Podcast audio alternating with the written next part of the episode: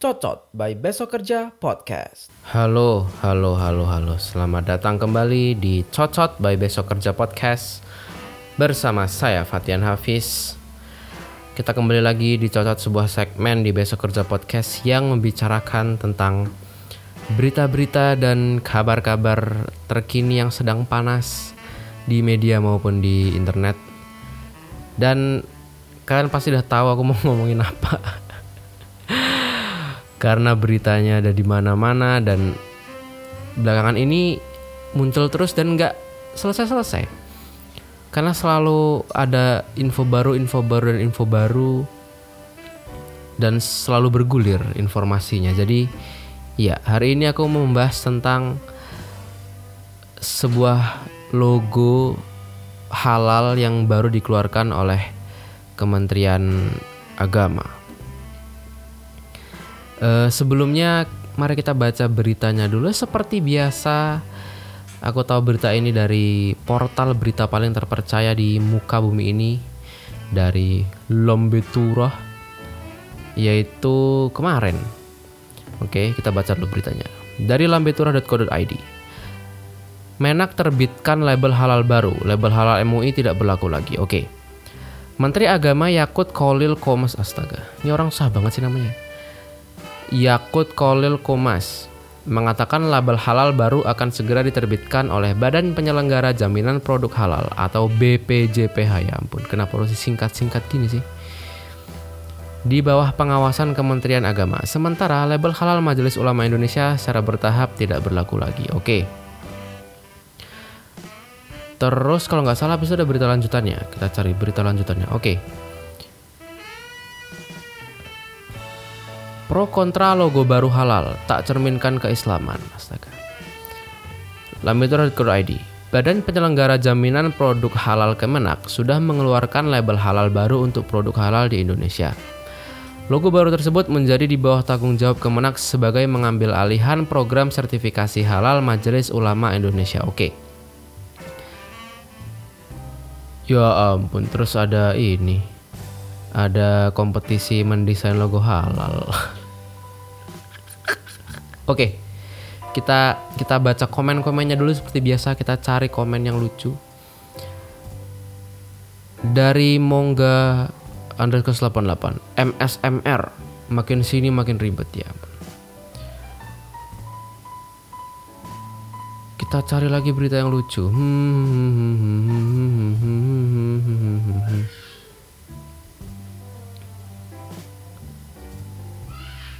Dari Ferris Defree underscore sekali.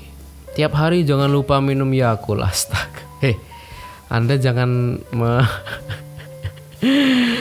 menertawakan nama orang loh itu nama-nama kayak gitu pasti artinya bagus tuh. Nanti kalau ibunya baca kasihan. Dewa underscore Nanda underscore Ska daripada ganti logo halal MUI kenapa nggak ganti menteri agamanya ya ampun emang kalau menteri agamanya diganti akan ada perubahan nah? selalu akan ada kebijakan-kebijakan yang aneh-aneh kayak gini terus kita cari lagi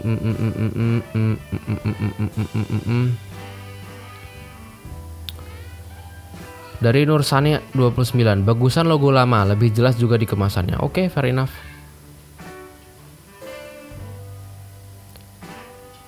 Oke, terus ada lagi nih Awen Martin. Saya rasa Menteri Agama buat logonya juga pastinya ada artinya dan filosofinya, tidak sembarangan. Jadi apa pun keputusan QT ya ampun. Emang hari gini masih ada ya mas? Kita menghormati dan menghargai. Salam damai ya ampun. Nulis kita QT, sedih banget. Oke, satu lagi. Dari Iya Miuliarto. Yang kurang kerjaan itu netizen, apa-apa dikomentari kurang ini, kurang itu, lagian nggak ada hubungannya sama sekali sama hidup lu pada ya ampun. Oke. Oke, ada satu lagi yang lucu nih. Nala underscore Baskara Logo aja diributin jir Lu pikir itu logo bakalan bikin lo murtad ya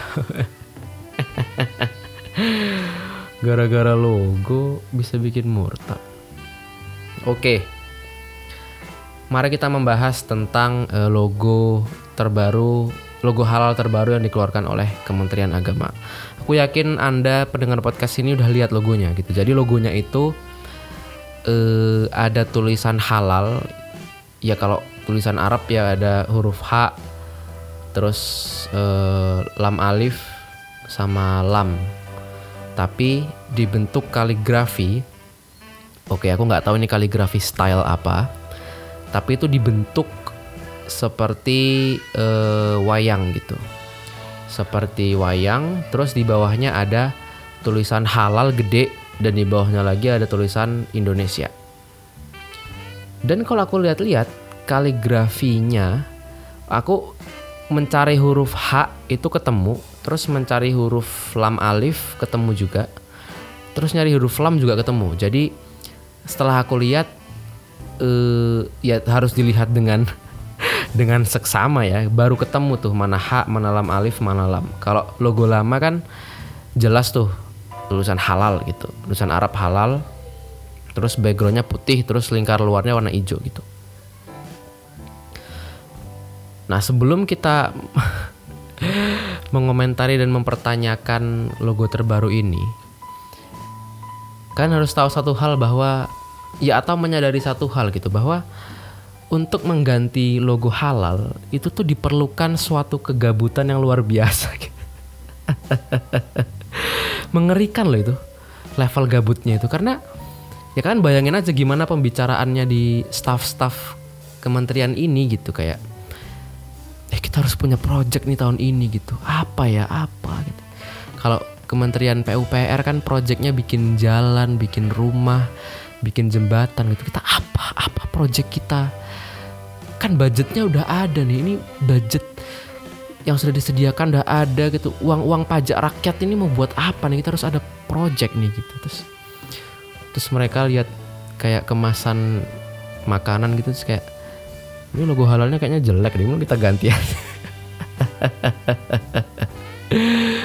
Gila loh aku nggak bisa membayangkan level kegabutannya orang-orang ini gitu. Ya walaupun walaupun ya kita tahu ya backgroundnya kan sebet, sebetulnya kan didasari dari ada pengalihan e, tugas gitu ya yang tadinya dihandle sama MUI Majelis Ulama Indonesia baru akhirnya diserahkan ke Kementerian Agama. Entah apa penyebabnya nggak tahu ya.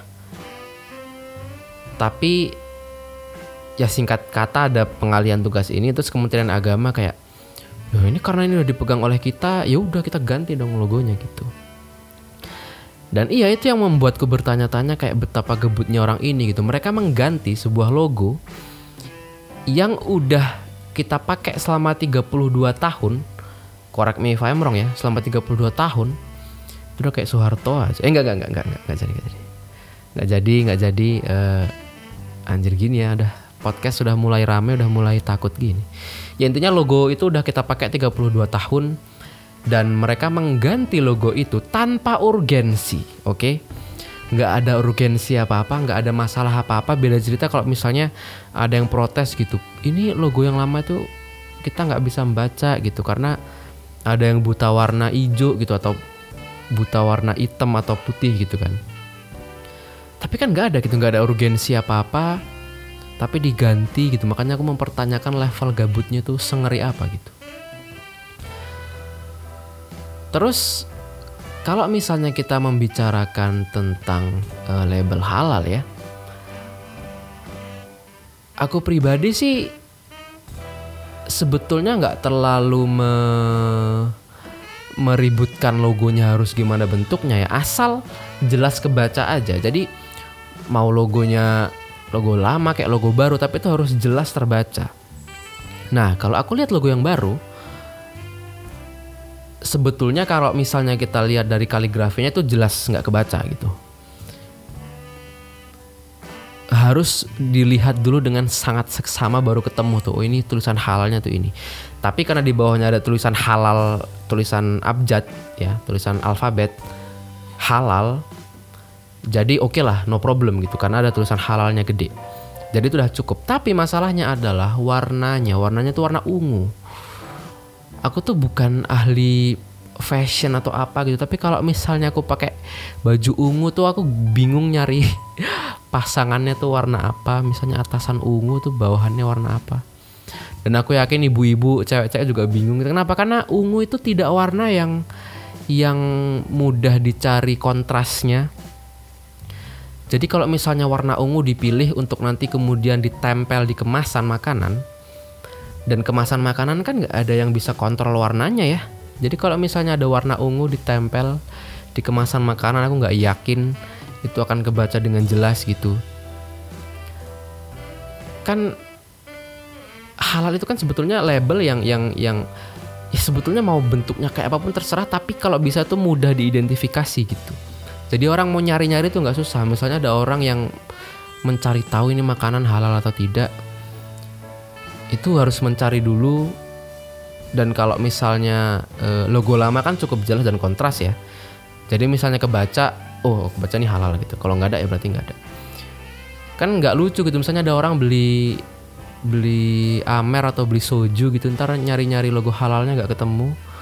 Akhirnya kan udah kepalang haus diminum ya ampun. Uh, iya ya dari dari warna terus dari sebetulnya tulisan halal gede itu yang nolongin sih. Kalau misalnya tulisan halal gede itu nggak ada, udahlah tendang aja nih logonya. Tapi karena ada, uh, aku masih bisa terima. Cuman warnanya nih, warnanya yang aku warna ungu loh itu apa coba? Apa filosofi warna ungu? Warna warna ini, warna janda ya ampun. Iya, kenapa ungu ya? Kalau misalnya bentuk apa bentuknya seperti wayang itu kan filosofinya kan ya ini adalah budaya Indonesia dan bla bla bla. Eh, sebetulnya nggak penting juga karena logo halal itu bukan tentang estetika, bukan tentang tradisi, bukan tentang apa. Logo halal itu simply adalah label yang bisa diidentifikasi dengan mudah bahwa itu makanan halal. Nggak perlu ada nilai seni, nggak perlu ada filosofi, nggak perlu ada ah estetika apa pun itu. Yang penting itu gampang dikenali.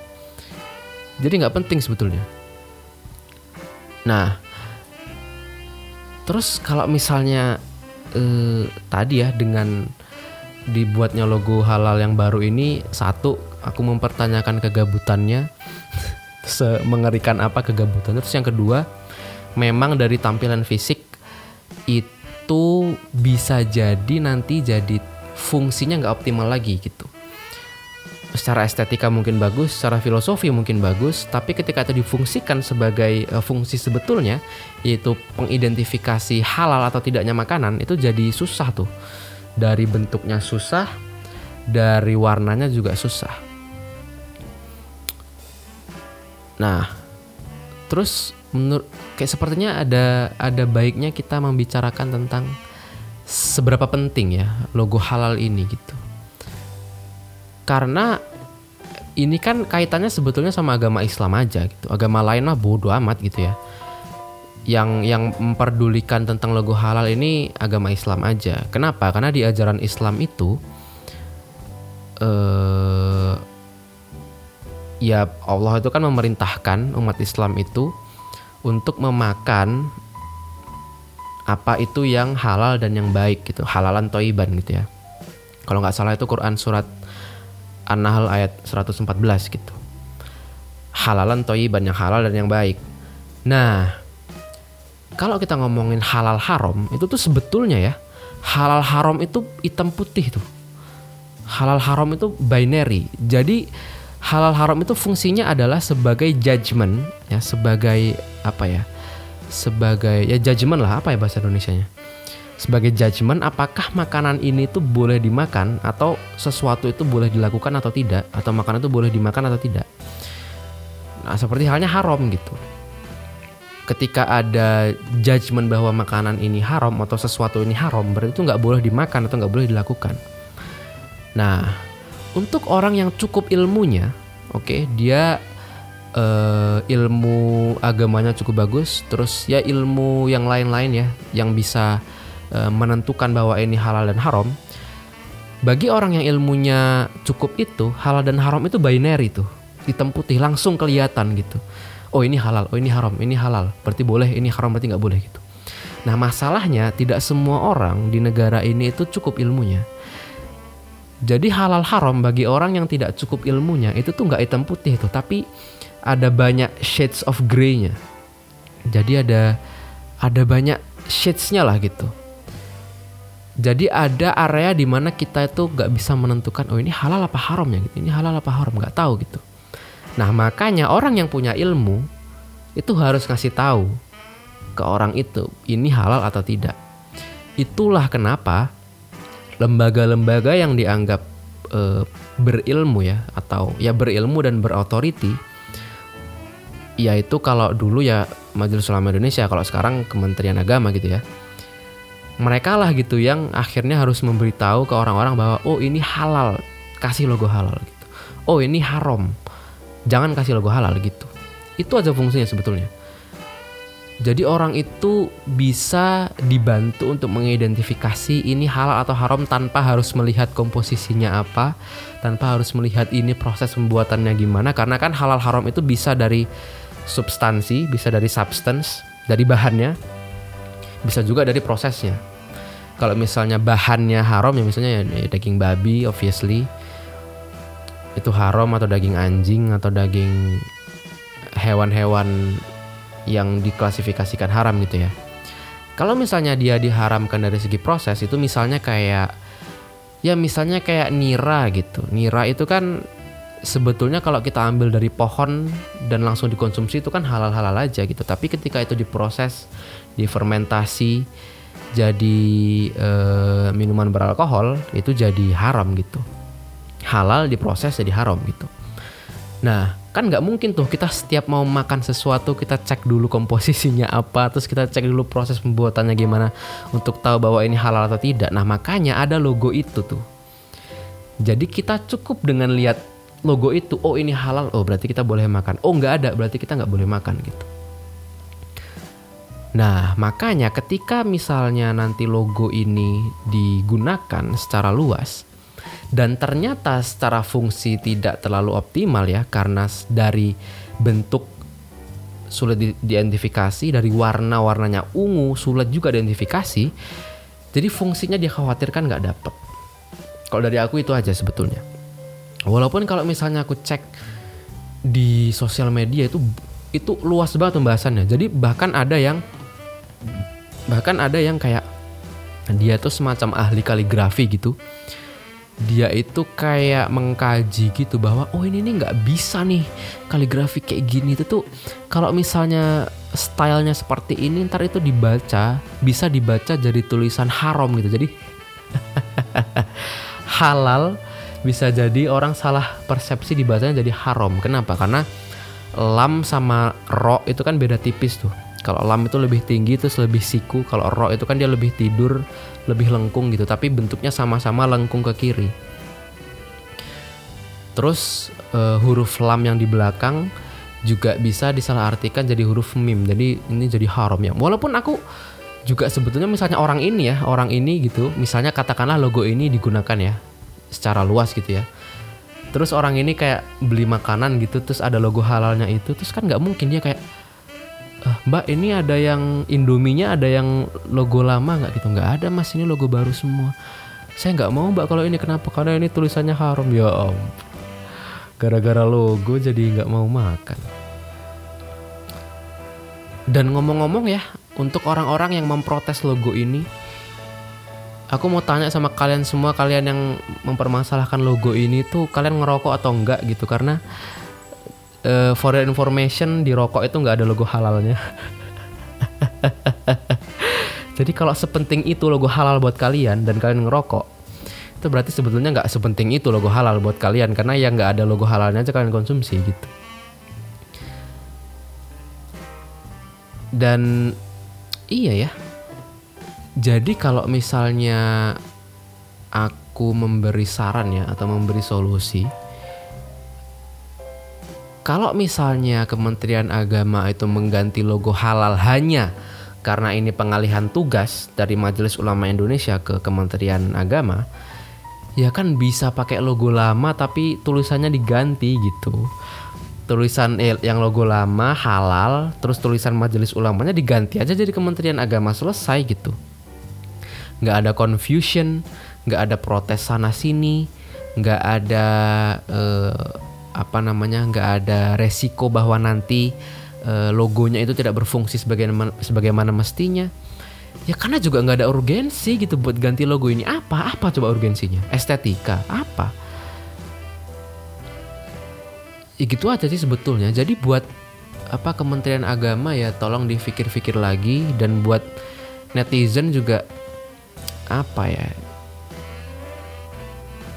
Ya aku sih emang sepenting itu ya logo halal buat kalian gitu toh. Kalian juga udah tahu kan makanan-makanan yang kalian konsumsi gitu halal atau tidak. Dan iya dan yang aku tanya tadi gitu kalian yang marah-marah ini ngerokok atau enggak gitu? Karena rokok yang di kalian konsumsi itu nggak ada logo halalnya. Jadi kalau kalian sok-sok protes logo halal tapi masih ngerokok mah udahlah shut the fuck up aja lah gitu. Udah terima aja apa keputusannya gitu. Nggak usah sok-sok inilah. Emang orang Indonesia tuh banyak omong doang nggak prakteknya nggak ada gitu. Ya mungkin itu aja ya buat episode kali ini. Eh ya mau itu diganti mau nggak terserah lah gitu. Tapi eh semoga eh apa namanya semoga kalaupun nanti diberlakukan mungkin bisa direvisi ya gitu kalau misalnya Kementerian Agama kekeh gitu ya ini logo ini harus ada filosofinya harus ada estetik. Oke lah. Eh tapi saranku tolong warnanya diganti. Jangan ungu lah ya ampun. Ungu tuh susah nyari ininya. Udah mending hitam putih aja. Backgroundnya putih bulat. Terus baru hitam gitu. Jadi kontras dan gampang dicari. Udah gitu aja. Dan syukur-syukur batalin aja ganti ke logo lama selesai mungkin itu aja buat episode kali ini. Eh, semoga bisa memberikan pencerahan untuk anda sekalian. Apabila ada kritik dan saran silahkan kirim email ke besokkerjapodcast at gmail.com besokkerjapodcast at gmail.com atau DM ke Instagram at Fatian Puja Kesuma at F A T H I A N Puja Kesuma. Itu aja buat episode kali ini. Sampai jumpa di episode selanjutnya. Fatian Hafiz signing out. Bye bye